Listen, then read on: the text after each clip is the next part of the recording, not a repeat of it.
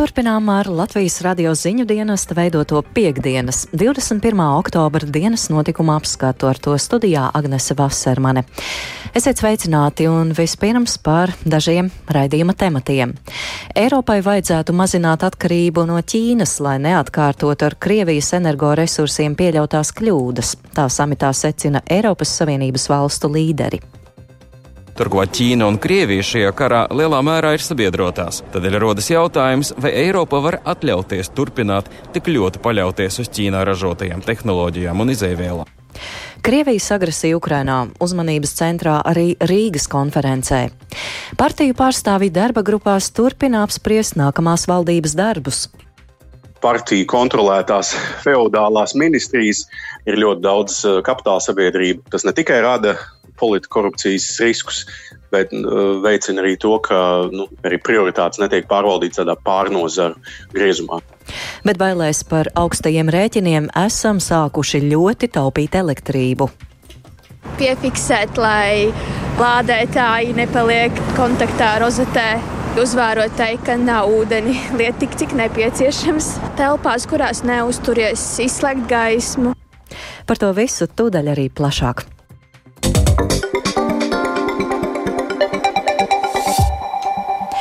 Eiropai vajadzētu mazināt savu atkarību no Ķīnas, lai neatkārtotu kļūdas, kas pieļautas ar Krievijas energoresursiem. Tas ir viens no galvenajiem secinājumiem pēc šīs dienas diskusijām Eiropas Savienības valstu līderu vidū. Sarunās Briselē apspriest arī situāciju Ukrainā un Baltijas valstu iecera par īpaša tribunāla izveidi Ukrainas kara noziegumu izmeklēšanai. No samita norises vietas stāsta mūsu Briseles korespondents Atjoms Konohaus. Karš Ukrainā liek Eiropai skaidri ieraudzīt, cik atkarīgas mūsu kontinenta valstis ir no Krievijas energoresursiem. Savukārt koronavīrusa pandēmija izgaismoja atkarību no Ķīnas piegādēm. Turklāt Ķīna un Krievija šajā karā lielā mērā ir sabiedrotās un ir noslēgušas tā dēvēto neierobežotās sadarbības vienošanos. Tādēļ rodas jautājums, vai Eiropa var atļauties turpināt tik ļoti paļauties uz Ķīnā ražotajām tehnoloģijām un izēvielām. Tieši tam piekdien tika veltīta liela daļa no diskusijām Eiropas Savienības valstu līderu samitā. Premjerministrs Krišjānis Kariņš no jaunās vienotības uzskata, ka domāšana Eiropā mainās. Ir arī plaša apziņa, ka faktiski pasaule ir mainījusies, un Eiropas attieksme ar Ķīnai eh, tas arī būtu jāmainās, ja mēs redzam, ka Eiropa kopumā iebrauc nu, zināmās auzās ar tādu pārlieku energoatkarību no Krievijas. Jautājums, vai mums šobrīd ir vai nav varbūt arī kāda atkarība no Ķīnas, kur mums vajadzētu pārskatīt. Līdzīgi izteicās arī Eiropas komisijas priekšsēdētāja Urzula Fonderleina. Viņa sacīja, ka Ķīna pēdējos gados ir izvēlējusies kļūt ar vien uzstājīgāka un pašpaļāvīgāka. Ķīnas sistēma ir fundamentāli atšķirīga no mūsējās, un mēs apzināmies šīs sacenšanās būtību. Ķīnas gadījumā mēs riskējam būt atkarīgi no tehnoloģijām un izēvielām. Tādēļ prioritāte ir palielināt mūsu ražošanas jaudas un dažādot izēvielu piegādes avotus, sadarbojoties ar uzticamiem piegādātājiem. Komisijas priekšsēdētāja ir sacījusi, ka mikroshēmu un izēvielu likumprojekts ir Eiropas atbild uz Pekinas politiku. Tomēr kritiķi mudina Eiropas valstis neaizrauties ar subsīdijām un atcerēties, ka Eiropā ražot jaunākās paaudzes mikroshēmas tik un tā būs dārgi. Tā vietā Domnīcas Eiropas reformu centrs vecākais pētnieks Zaks Meijers iesaka attīstīt sadarbību ar mikroshēmu piegādātājiem ārpus Ķīnas un Taivānas. Jāpiebilst, ka mikroshēmu likums nesen tika apstiprināts arī ASV. Tāpat kā Eiropā, arī Atlantijas okeāna pretējā krastā galvenā uzmanība ir vērsta uz mikroshēmu izstrādes un ražošanas palielināšanu savā teritorijā, un līdz ar to arī atkarības mazināšanu no Ķīnas. Arcums Kanahas Latvijas Rādio Briselē. Latvijas Nacionālajā bibliotēkā divas dienas norisinās ikgadējais drošības un ārpolitikas fórums Rīgas konference. Uzmanības centrā jautājumi, kas saistām ar Krievijas agresiju Ukrainā. Par konferences pirmajā dienā runāto stāsta Rihards Plūme. Kopš 2008. gada Rīgas konference ir kļuvusi par vienu no nozīmīgākajiem drošības un ārpolitikas jautājumu fórumiem Baltijas jūras reģionā. Gan klātienē, gan attālināti Rīgas konference šogad kopā pulcē 517 dalībniekus no 38 valstīm. Šogad galvenais konferencē apspriežamo jautājumu lokus ir saistīts ar Ukrainā notiekošo karu un drošības situāciju mūsu reģionā. To sarunā ar Latvijas radio atzina arī Latvijas ārlietu ministrs Edgars Rinkēvičs. Protams, ka ja mēs salīdzinām Rīgas konferenci šogad ar Rīgas konferenci pagājušo gadu, tad galvenā tēma būs Krievijas agresija pret Ukrainu. Galvenā tēma būs arī Baltijas jūras drošība, mūsu drošība. Sevišķi ņemot vērā to, ka divas valsts šobrīd ir pievienošanās procesā NATO, tā ir Zviedrija un Somija.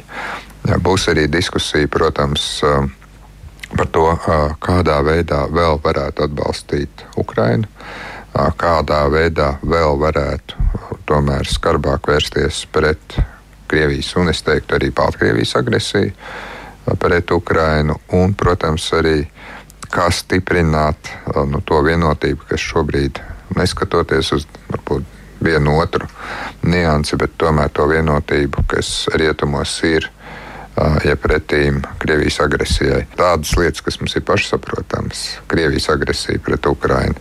Tā politika, ko mēs īstenojam, nu, negluži ir saprotama, piemēram, kaut kur Āzijā, Āfrikā, Latvijā. Tad tas ir jautājums, kā skaidrot to, kas notiek šeit, kā arī pretoties tam Krievijas narratīvam. Konference šorīt tika atklāta ar paneļa diskusiju, kurā piedalījās bijušais Zviedrijas premjerministrs un ārlietu ministrs Kārls Bilds. Pašreizējo globālo situāciju vienkāršoti viņš raksturoja ar vārdiem: rietumi ir atpakaļ, austrumi ir nepatikšanās un dienvidi ir sašķelti. West is back and the east is trouble. Rietumi ir atpakaļ, austrumi ir nepatikšanās un dienvidi sašķelti. Austrumi jeb Krievija ir dziļās nepatikšanās un arī Ķīna ir nepatikšanās. Abas valstis tur nokļuvušas vienādu iemeslu dēļ. Divi autoritāri režīmi brīdī, kad tie konsolidē pārāk daudz varas viena cilvēka rokās, Šis cilvēks pieļauj lielas kļūdas. Putins ir pieļāvis neprātīgu lēmumu, Sīdzinpins ir pieņēmis dažus lēmumus, kas Ķīnu pagriež nepareizajā trajektorijā. Savukārt, runājot par enerģijas piegādēm Eiropai, Bilds atzina, ka Eiropa un ASV enerģētikas politikā bijušas atkarīgas no pāris mazāk demokrātiskiem režīmiem Arābijas pussalā, un šī atkarība zināmā mērā turpinās joprojām. I don't think you can accuse our energy policies in the past for having been particularly value driven. Es domāju, ka nevar teikt, ka mūsu enerģētikas politika pagātnē bijusi vērtībās balstīta. Tik ilgi, kamēr mums ir enerģētiskā atkarība, un tā mums būs ilgi, būsim reāli, tiks īstenots interesēs balstīts pieejams, nevis vērtībās balstīts pieejams. Problēma ar atkarību no Krievijas gāzes bija tāda, ka Krievija laikā, kad šie līgumi tika slēgti, vēl nebija tik naidīga. Bet problēma bija, ka mēs bijām pārāk atkarīgi no viņiem. Konferences laikā eksperti šodien diskutēja arī par tādu tādiem jautājumiem kā globālā ekonomika, NATO strateģiskā koncepcija, Arktikas militarizācija un Ukrainas ceļš uz mieru. Rihards Plūme, Latvijas radio. Pār Ukrainā notiekošo Krievijas spēku atkāpjoties uz Dņepras kreiso krastu varētu uzspridzināt Kāhovkas hidroelektrostacijas dambi. Šādu pieņēmumu ir izteicis Ukrainas prezidents Volodimirs Zelenskis. Viņš šādu iespējamo teroraktu aicina pielīdzināt masu iznīcināšanas ieroču pielietošanai. Militārie analītiķi gan uzskata, ka uzspridzinot dambi, Krievijas spēki kaitētu sev un Krievijas strateģiskajiem mērķiem, stāsta kompānijas Defense. Finance Express analītiķis Sergijs Zgurets. За нинішнім розкладом сил заливається Монкаші лівий берег. Ja Krievi izlems uzspridzināt Kahovkas Hes dambi, tad vairāk apludināts tiks Dņepras upes kreisais krasts. Tieši šajā apgabalā ir izvietots liels skaits Krievu karaspēka. Tur ir gan spēku komandējošais sastāvs, gan artilērija, kas apšauda Ukrainas teritoriju Dņepras labajā krastā. Tāpēc aizsargdāmbja uzspridzināšana un ūdens izlīšana radītu nopietnu apdraudējumu pašiem Krievu spēkiem. Tas neapturēs Ukrainas armijas virzīšanos uz priekšu, bet sarežģīs Krievijas spēku turpmākās darbības. Tāpēc var sagaidīt daudz sarežģītāku notikumu attīstības scenāriju.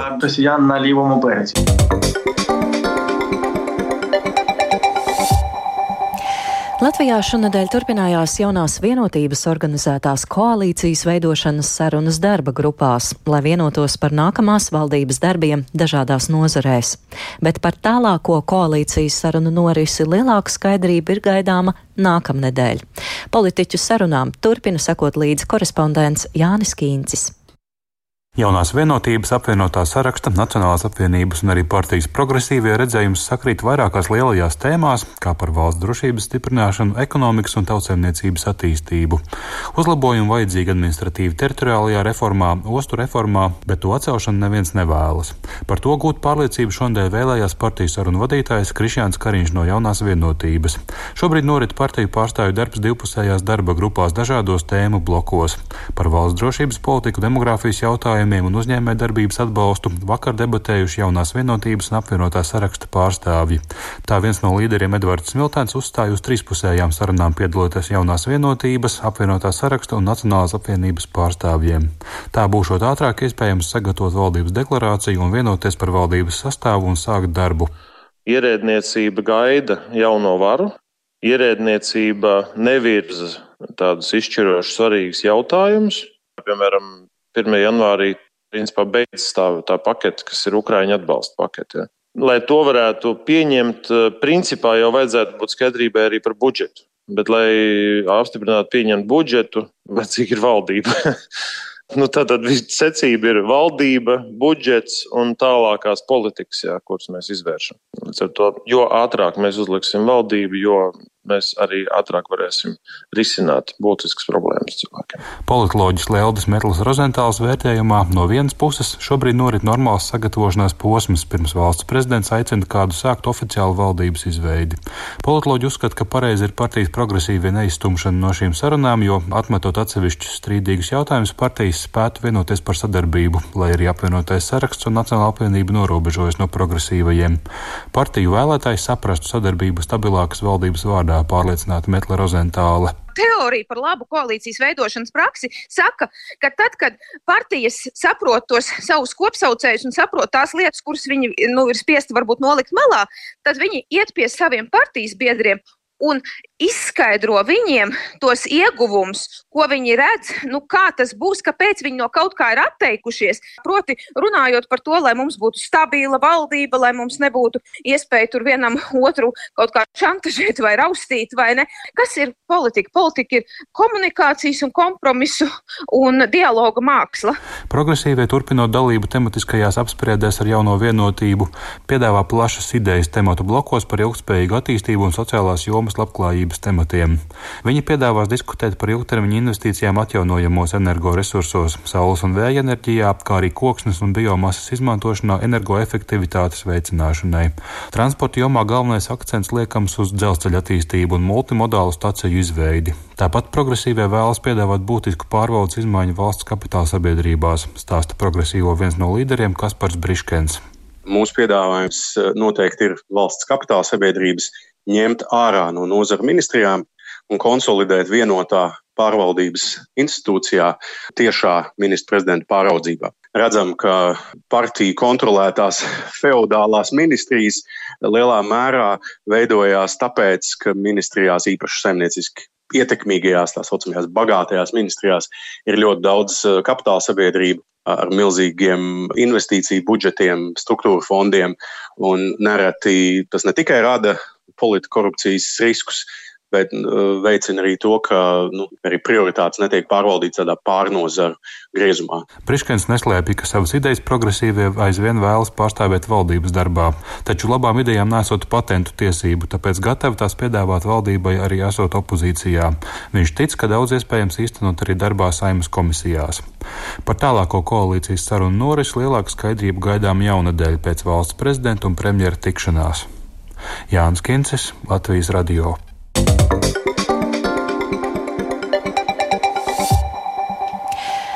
Augstā elektroenerģijas cena mudina iedzīvotājus taupīt, lai samazinātu rēķinus, un tas atspoguļojas arī būtiskā kopējā elektroenerģijas patēriņa sarukumā mūsu valstī. Septembrī, salīdzinot ar pagājušā gada septembri, kopējais Latvijas elektroenerģijas patēriņš ir sarucis par 10%, kas ir zemākais pēdējos piecos gados. Linda Zalāne skaidroja, kā cilvēki taupa un kā vēl varētu mainīt ikdienas paradumus. Labdien! No Latvijas radio ziņu dienesta žurnālista Linda Zalāna. Sakiet, lūdzu, vai ikdienā kaut ko esat mainījusi paradumos attiecībā uz elektrības patēriņu? Īpaši neesmu neko mainījusi. Es tāpat jau taupīgi esmu iepriekš dzīvojusi un rūpējusies par to, lai man tas rēķins nav lielāks. Es vienkārši vairāk nevaru izdarīt. Kā tas ir taupīgi dzīvojis? Nu, tas piemēram? ir piefiksēt, lai lādētāji nepaliek kontaktā ar rozetē vai attiecīgi arī uzvērot tai, ka nav ūdeni liet tik, cik nepieciešams, nevis mm -hmm. vairāk. Telpās, kurās neuzturies, izslēgt gaismu. Visu mūžu taupu. Ko jūs darat? Kādi ir jūsu taupības nu, pasākumi? Kā, nu, vienā istabā dzīvosies, citur nav elektrības. Tagad to uzmanīgi pa visu. Es vienu lampiņu un viens dators man vairāk nekā nav leduskapis. Pat televizoru neslēdz. Rauj ārā no kontaktiem. Teikanu uh, telefonam vadu.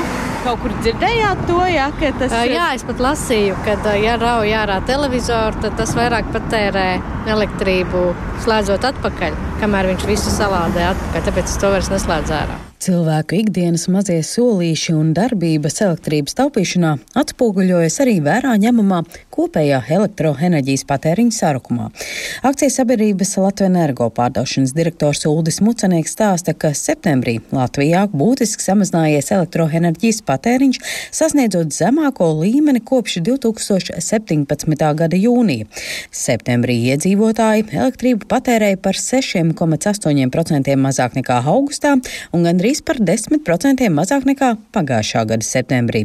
Mūcinieks uzsver, ka šāds patēriņa samazinājums ir gana nozīmīgs un saistīts ar energoefektivitātes un taupības pasākumiem. Un līdz ar to mēs esam panākuši arī zem, visticamākais zemāku elektroenerģijas cenu septembrī nekā tad, ja mēs varbūt būtu tērējuši viņu atbilstoši ierastajiem apjomiem, kā tas bija piemēram gadu atpakaļ. Tāpat patēriņa izmaiņas saistāmas ar iepriekš novēroto elektroenerģijas cenu pieaugumu.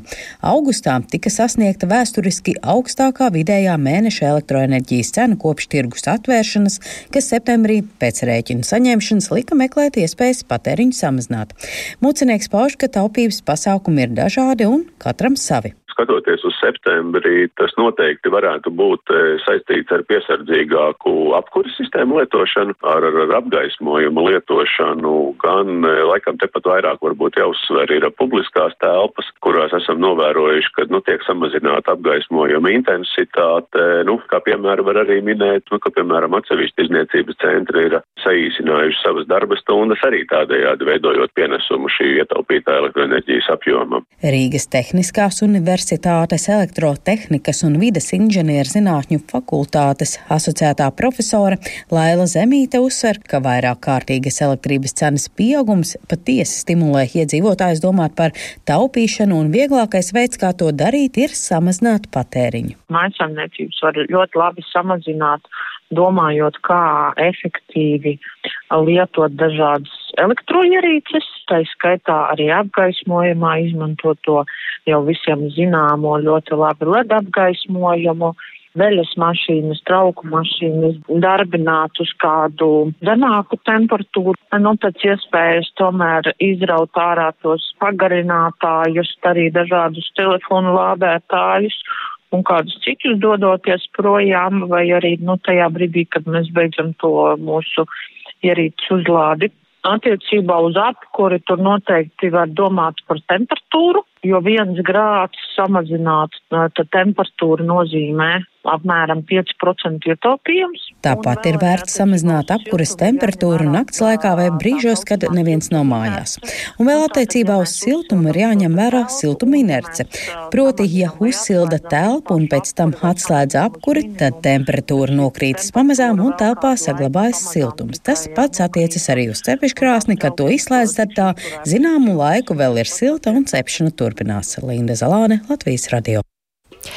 Valsts drošības dienests Rīgā ir aizturējis agresīvi noskaņotu Krievijas izvērstā kara atbalstītāju, kā arī veicis kriminālu procesuālas darbības šīs personas dzīves vietā.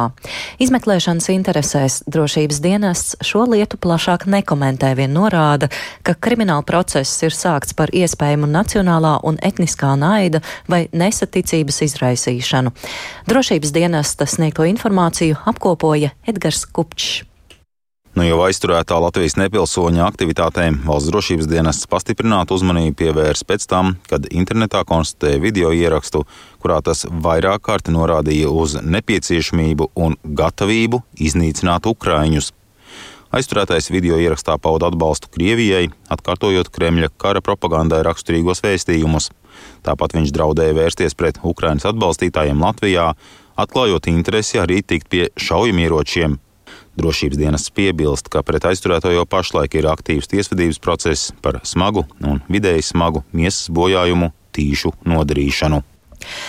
Pēc ASV varas iestāžu atmaskotajām schēmām par augsto tehnoloģiju pārdošanu Krievijai, Rīgas tiesa noraidījusi ģenerāla prokuratūras lūgumu apcietināt aizturētos Latvijas pilsoņus pirms iespējamās izdošanas.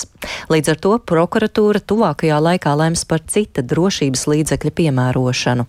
Vienā no schēmām ASV tika izvirzītas apsūdzības pieciem Krievijas pilsoņiem, kas piegādājuši ASV elektronikas komponentus Krievijas ieroču ražotājiem, un daži no šiem komponentiem elementiem tikuši atrasti kaujas laukā Ukrainā. Savukārt otrajā schēmā ir iesaistīti trīs Latvijas pilsoņi un viens Ukrainas pilsonis, kas ir arī Igaunijas rezidents. Stāsta ģenerāla prokuratūras pārstāve Ieva Šomina par mēģinājumu kontrabandas veidā uz Krieviju izvest divējādi lietojuma, tā skaitā arī kodola tehnoloģijās izmantojamas preces. Un, kā norādīts apsūdzībā, tad jau sākot ar 2018. gadu tas vienošanās mērķis bija kontrabandas veidā Krievijā ievest ASV Connecticutā ražotu augstas precizitātes iekārtu konkrētu slīpmašīnu. Un šādi viņi pārkāpa ASV eksporta likums un noteikums, jo minēto slīpmašīnu eksportam uz Eiropas Savienības valstīm tātad nav nepieciešams nekādas licences, taču tādas ir nepieciešams eksportam un reeksportam uz Krieviju, jo minētā iekārta var tikt izmantot ieroču ražošanā vai kodolieroču programmā. Ārlietu ministrijā šo lietu vērtē kā būtisku piemēru tam, ka izveidota efektīva kontrolas sistēma, lai identificētu strateģiskas nozīmes preces, kā arī apliecinājums Latvijas spējai kopā ar partneriem novērst preču nelikumīgu pārvadāšanu.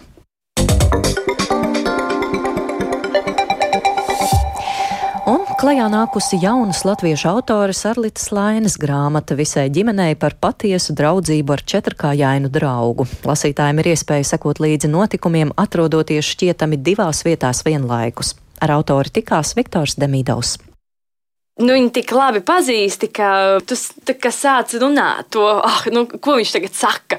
Un, un tas arī tur ir pārtapis. Brūnās acis ir stāsts par četrkājai Arlītas Laines bērnības ģimenes locekli, melno labradoru vārdā Madors.